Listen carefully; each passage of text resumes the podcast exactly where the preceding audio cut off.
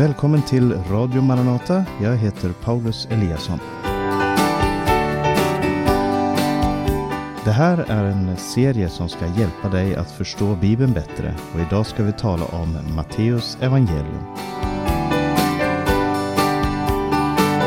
I Matteus kapitel 13 vers 52 så, så säger Jesus följande då sa han till dem, därför är varje skriftlärd som har blivit en himmelrikets lärjunge som en husbonde som ur sitt förråd hämtar fram både nytt och gammalt. Och ehm, det är just det Matteus, författaren till Matteus evangelium är. Han är en skriftlärd, en man som kan eh, Gamla Testamentet och som knyter det nya, det evangeliet om Jesus, till det gamla, nämligen det vi kallar för Gamla Testamentet eller de hebreiska skrifterna. Författaren till Matteus evangelium, det låter som att det ska vara Matteus, men i själva boken i evangeliet som är 28 kapitel, det är den första boken i Nya Testamentet, eh, så är han anonym. Det står inte vem som är författaren, författaren presenterar sig inte. Men eh, traditionellt sett och väldigt tidigt i den kristna historien så identifierades författaren till första evangeliet med Matteus Levi eh, som var en eh, publikan, en tulltjänsteman i eh, Israel på Jesu tid och som blev eh, Jesu lärjunge. Eh, det är han som eh, man anser som regel är författaren. Och um, Matteus evangelium är skrivet runt år 70 till 80 efter Kristus. Det handlar alltså om en 40 år ungefär efter eh, händelserna så skrevs det här evangeliet ner. Och mottagare för brevet är antagligen eh, judiska eh, messianskt troende kristna. Eh, alltså människor som var efterföljare av Jesus och som kom från en judisk bakgrund. Antingen som hellenistiska judar, alltså sådana som levde i diasporan runt omkring i världen eller eh, judar i Israel. För att det finns en väldigt judisk tematik i Matteus evangelium. Eh, och språket som han skriver på är det som man brukar kalla för en judaiserad grekiska. Det är koinegrekiska, den vanliga folkliga grekiskan på den tiden, men med många judiska eh, ord och uttryck. Eh, inte ord, men, men uttryck. Och vi ska börja med att se lite grann på innehållet i det här brevet.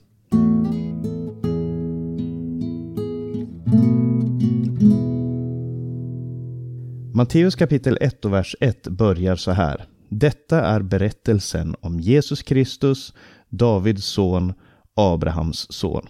Och redan i första versen så eh, får man en introduktion till tematiken i det här brevet. För det första så får man veta att det här är om Jesus Kristus. Ordet Kristus är inte hans efternamn, det är en titel eh, som på eh, hebreiska heter eh, Messias och så på grekiska heter Kristus. På svenska skulle det översättas till den smorde. Eh, och det knyter an till en eh, biblisk tradition ifrån Gamla Testamentet som talade om en kung som skulle komma. Och kungar, profeter och präster var sådana som man smorde. Eh, som en invigningsritual så smorde man dem med olja. Och så står det Davids son och Abrahams son och det knyter an till två förbund som Gud ingick. Det ena förbundet, det första, ingick Gud med Abraham eh, som, som var ett förbund som innebar att Gud skulle välsigna hans släkt och i honom skulle alla släkten på jorden bli välsignade. Och Davidsförbundet handlade om att Gud lovade David att sätta en konung på hans tron till evig tid. David var den andra kungen i Israel och han var en man efter Guds hjärta som fick det här löftet ifrån Gud. Så Gud gör två olika förbund och det är mycket uppfyllelsen av de här två förbunden som Matteus evangelium handlar om. Och i kapitel 2 så berättas det om Jesu födsel, hur han föddes. Det var inte i något palats, så det är en eh, väldigt kontraintuitiv och det är ett ord som jag kommer att använda säkert mycket i, i det här, framförallt när man talar om evangelierna, så handlar det om en, en kontraintuitiv kungaberättelse. Han föds inte i ett palats, det är ingen pompa och ståt omkring honom, men samtidigt så, är det, eh, så är det människor som gör saker och ting som eh, antyder att han är en kung. Till exempel i Matteus evangelium så berättas det att det kom eh, vise män från Österns länder för att fråga var är den nyfödde judakungen? Eh, kungarnas nyfödde, eh, eh det är judarnas nyfödde kung, ursäkta mig. Eh, och, och, och, så så det, det finns mycket tematik och de här vismännen kommer med guld, rökelse och myrra som är, som är symboler för Jesu eh, tjänst som kung helt enkelt. Eh, och en nyckel till att förstå eh, Matteus evangelium är att se hur han presenterar Jesus som en ny och bättre David. Han är en kung som introducerar sitt rike och han talar mycket i Matteus evangelium om himmelriket. Eh, om du någonsin hör ett citat där någon talar om himmelriket, alltså ett bibelcitat, och Jesus säger någonting om himmelriket, då vet du att det är från Matteus evangelium. För att det är bara i Matteus som det uttrycket används.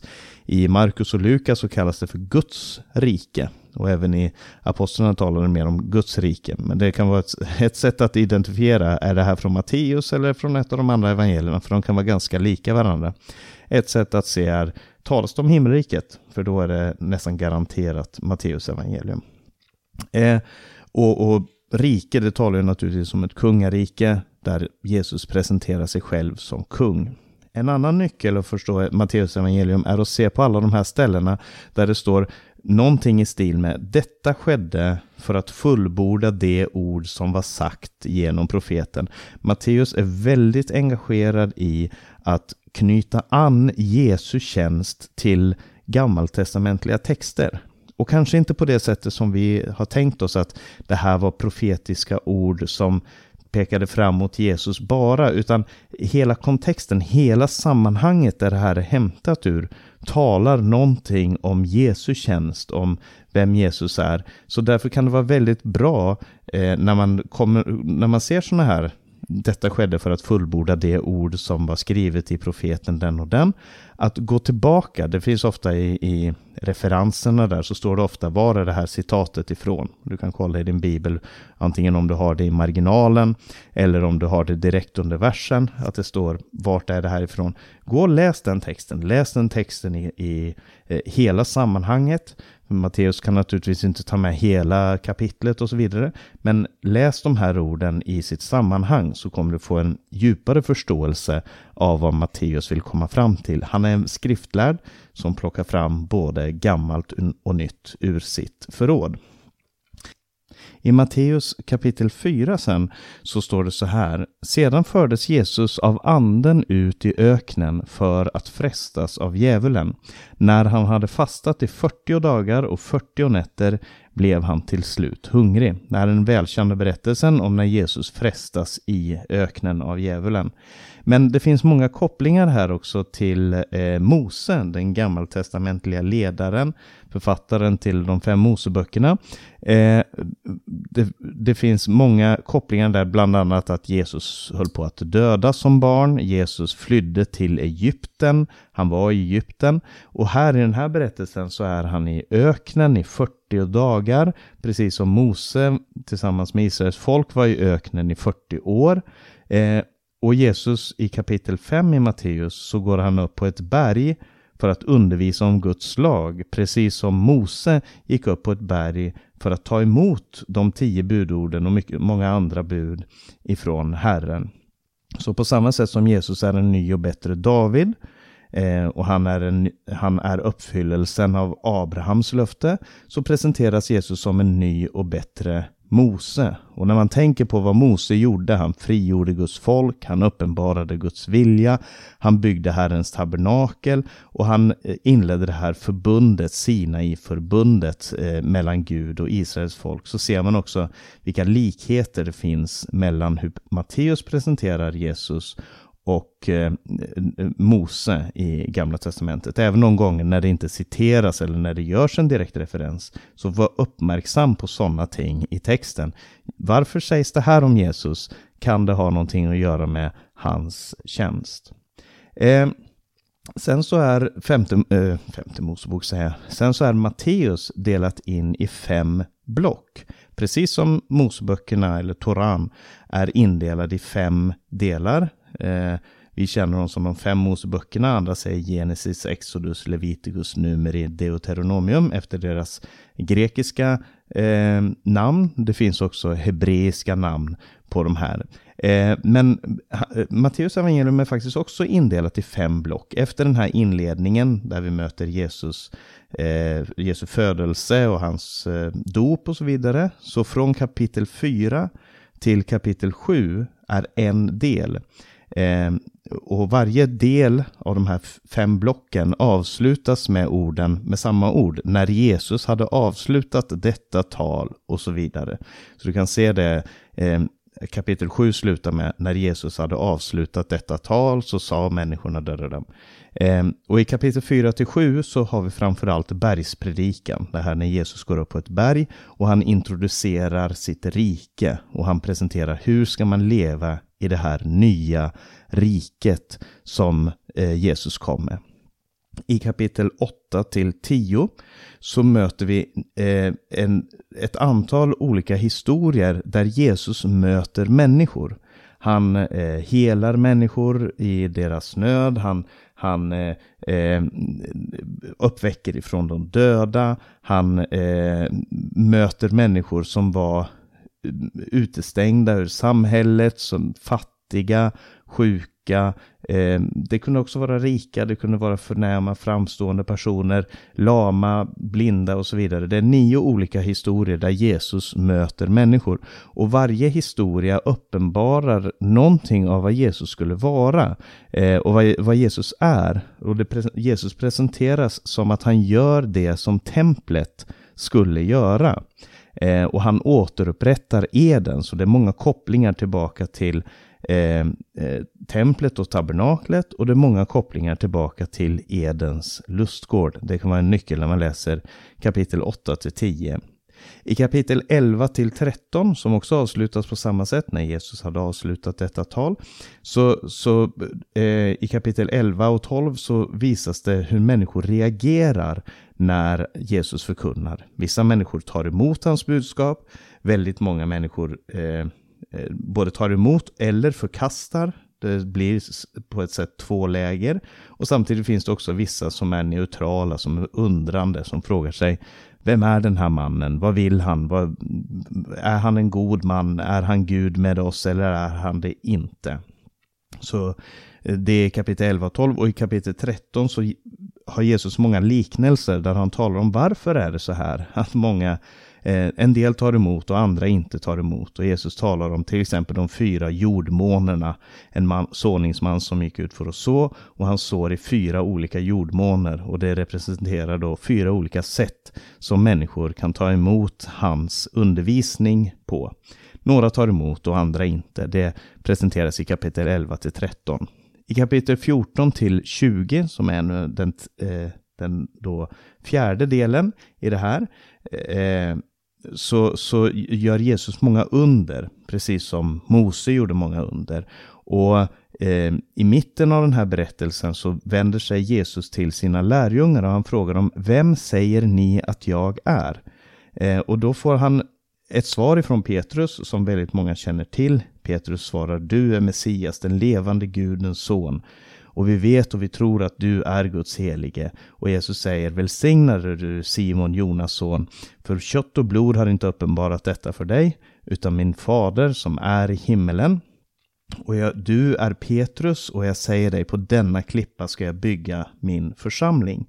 Så det Petrus bekännelse av Jesus som Messia, det är grunden för eh, den kristna församlingen. Men samtidigt, bara några verser senare, när Jesus börjar tala om sitt lidande och sin död, och från härifrån så börjar Jesus tala mycket om det, om sitt lidande och död, så förstår inte Petrus vad han menar. Och Jesus vänder sig till honom och säger, gå bort ifrån mig, Satan, ty dina tankar är inte, män, äh, dina tankar är inte Guds tankar. Eh, och, och, så det finns den här dubbelheten i lärjungarnas förståelse av vem Jesus är. De förstår att han är Messias, men de förstår inte riktigt vad det innebär att han är Messias. Och vi närmar oss döden i, i den här berättelsen och Jesus förklarar gång på gång eh, varför han ska dö, vad som är nödvändigt med det. Och vi får se att Jesu offer är också en modell för vår livsstil, för Jesus förklarar hur han önskar att hans lärjungar ska leva i den fjärde delen. Och den femte delen, eh, det är inte helt till slutet, men det är kapitel 21 till 25. Det handlar om när Jesus närmade sig Jerusalem. Han eh, konfronterar, han går in i templet och röjer i templet, han konfronterar eh, de ledande där, prästerna, fariseerna, saduceerna och så vidare eh, konfronteras in, in, i eh, lite olika berättelser. Och så får vi se Jesus sorg över Jerusalem. Han gråter över Jerusalem för att han vet vad som närmar sig. Eh, och vid ett tillfälle då i kapitel 24 så, så eh, kommer, människor, eh, kommer hans lärjungar till honom när de går ut i Jerusalem. Och om man går ut i Jerusalem och går upp på Oljeberget eh, som ligger då väster om Jerusalem, så, nej förlåt mig, öster om Jerusalem, så, så eh, ser man väldigt tydligt hela staden. Man ser, det är väldigt fin, om du har sett bilder från Jerusalem så är väldigt många av dem tagna från just Oljeberget. Ehm, eh, och där säger de, se på templet och se vilka stenar, se på byggarbete som pågår där. Och Jesus kommer då med sin eskatologiska Eh, förkunnelse om vad som skulle hända med Jerusalem bara några år senare. På 70-talet så, så invaderas Jerusalem och förstörs av eh, den romerska härföraren Titus. Och Jesus berättar om det här och han talar också om sin egen tillkommelse och han förbereder lärjungarna för det som ska komma. Det är de, det är de fem blocken om du vill i eh, Matteus evangelium. Och sen kommer efter det den sista delen, om man säger epilogen eller klimax eller vad man vill kalla det för, som är kapitel 26 till 28 som är berättelsen om Jesu död och uppståndelse. Och en nyckel till förståelsen av det är att alla evangelierna har den här delen, berättelsen om Jesu död, eh, genom korsfäst, korsfästning, eh, hans begravning eh, och hans uppståndelse. Matteus, Markus, Lukas och Johannes, alla har med den här delen. Även om de är olika mot varandra och även i berättelsen så fokuserar de på olika detaljer, så har alla med just det här. Eh, och när man läser passionsberättelsen, där kommer det här igen in, att det är en väldigt kontraintuitiv historia. Vi tänker oss att det ska vara på ett sätt, men det är andra saker som händer. Eh, det är en slags Eh, jag vet inte om man ska säga satir, men det, det, är en, det är en annorlunda kröningsberättelse. För att Jesus kröns som kung, men det är inte på en tron, utan det är på en... Eh, han kröns till kung i, eh, i, på ett kors. Och han, eh, hans tron är inte av guld, den är av trä. Den, hans, eh, de som är runt honom är inte hans närmaste betrodda, utan det är två rövare och så vidare. Läs det här som en väldigt kontraintuitiv historia om en kung på ett kors. Eh, och en sista nyckel i eh, det här, det är eh, missionsbefallningen som eh, är i slutet på kapitel 28. Och missionsbefallningen är det som inom litteraturen brukar kallas för en inclusio. En, en inclusio är när en berättelse får ett slut som knyter an till eh, början på berättelsen. Och anledningen till att jag säger det är att i början av Matteus evangelium så kommer en ängel till eh, Maria innan hon har fött Jesus för att berätta för henne om att hon ska föda Jesus.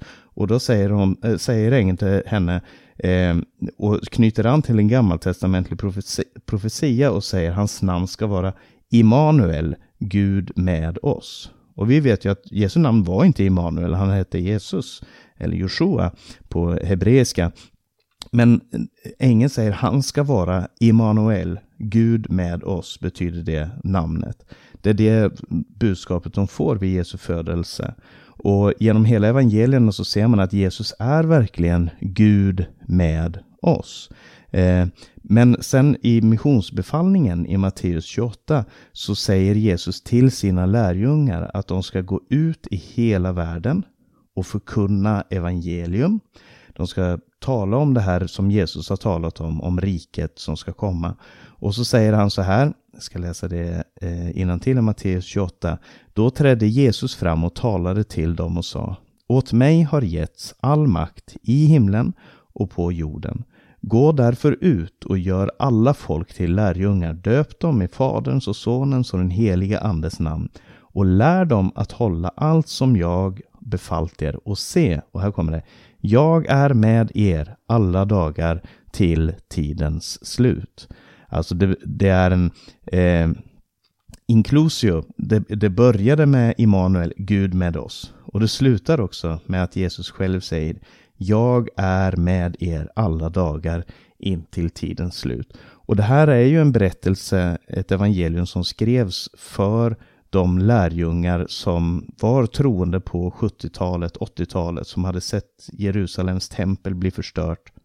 Och de undrade nu, var är Gud? Var, var, var är Guds löften för, någonstans? Och eh, Matteus knyter då an till berättelsen om Jesus för att förklara för dem. Gud är fortfarande på tronen, Gud är med oss. Genom sin heliga ande så är Gud närvarande på jorden, inte längre genom templet, utan genom det Jesus har gjort, genom evangeliet som förkunnas, genom den heliga ande som är verksam i eh, och genom eh, sin församling. Så ett sätt att eh, läsa Matteus evangelium på är att försöka förstå det här. Vem är det som är mottagare av det här evangeliet? Och vem är det som, som eh, det är riktat till? Det är väldigt viktigt. Och Matteus evangelium är, är det evangeliet som är mest citerat under den första kristna tiden. Alltså man säger 100-talet, 200-talet, de skrifter som vi har från den tiden, Eh, de förkunnare som fanns under den tidiga kristna tiden, så är Matteus evangelium och Johannes evangelium är de evangelier som är mest citerade av de fyra. Och eh, jag ska ge ett, avsluta med att ge ett tips om en eh, bok som har hjälpt mig väldigt mycket i att förstå eh, Matteus evangelium och den är på engelska och den är skriven, skriven av Patrick Schreiner. Schreiner stavas S-C-H Reiner. S-C-H Reiner, Patrick. Eh, och den heter Matthew, Disciple and Scribe. Och om du vill ha en, en väldigt, väldigt bra eh, utläggning av Matteus evangelium för att förstå den, för att det finns otroligt mycket. Jag har blivit fascinerad över hur eh, eh, djup, hur, hur eh, eh, betydelsefull Matteus är. När jag var liten så läste jag evangelierna och tänkte att ja, ja, jag har förstått evangelien. Nu har jag läst de här historierna, jag kan historierna, jag vet ungefär vad de handlar om. Eh, ju mer jag läser Matteus evangelium, och det gäller egentligen alla bibelböckerna, ju mer ser jag att det finns en, en eh, hemlighet här och, en, och ett djup som man inte ser vid första anblick. Och det handlar om att Matteus var verkligen en, en eh, eh, förnäm skriftlärd som plockar fram både gammalt och nytt. Så det var det jag hade att berätta om Matteus evangelium. Nästa vecka så ska vi se på en annan bibelbok och läsa om den. Eh, men vi ska lyssna på en sång nu och det är sången Jag är på resa och på väg att lämna det min fru Camilla Eliasson som sjunger den sången. Eh, och sen ska vi få några avannonseringar.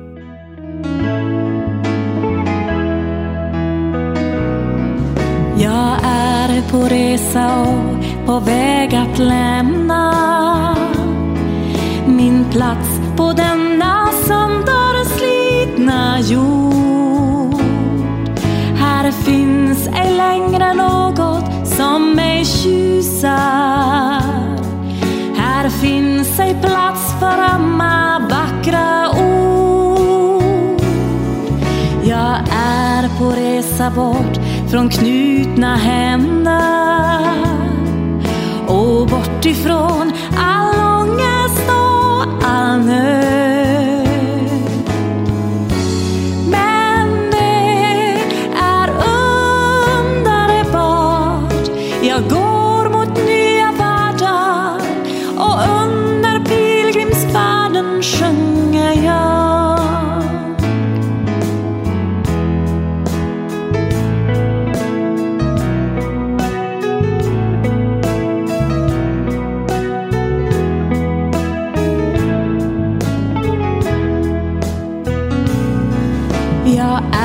På resa bort från synd och smärta.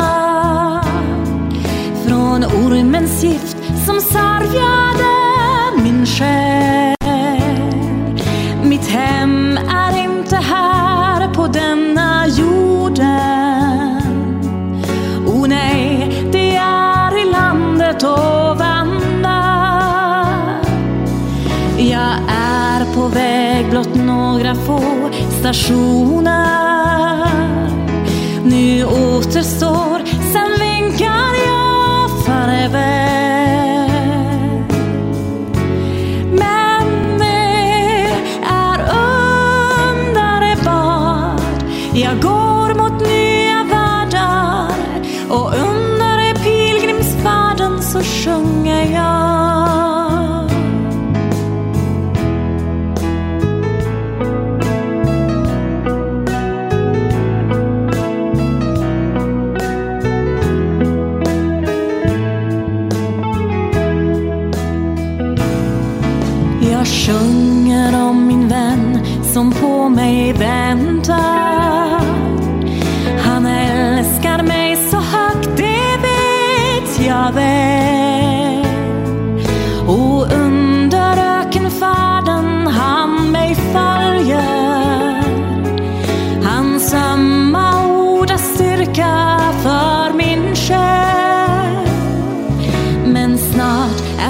färden slut och utan saknar Så lämnar jag min plats, jag flyttar hem.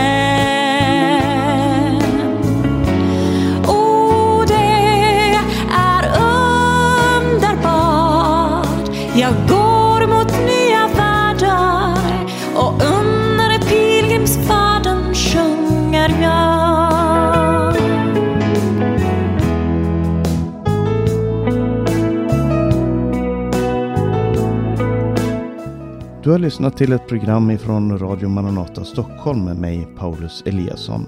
Radio Maranata sänder över Stockholms närradio 88 MHz och de här programmen läggs också ut som podcast på till exempel Acast och Apple Podcast. Eh, varje dag så kan du höra program som är gjorda av eh, inte bara mig men också Tage Gertrud Johansson, Berno Vidén, Hans Lindelöv, Jean Orenja, Najib El Khalifi och Jean Orenia gör program på spanska, Najib El Khalifi gör program på arabiska. Känner du folk som talar de språken så tipsa gärna om de här programmen. Och till sist ska jag nämna också Yngve Stenfält som gör eh, förkunnar över Radio Maranata. Har du några frågor eller kommentarer omkring det här programmet så skicka gärna en e-post till info maranata.se eller ring 070-201 60 20. Gå gärna in på vår hemsida maranata.se där du kan höra programmen och se Radio Maranatas andra sändningstider också. Och sprid Guds välsignelse till alla du möter så möts vi om en vecka.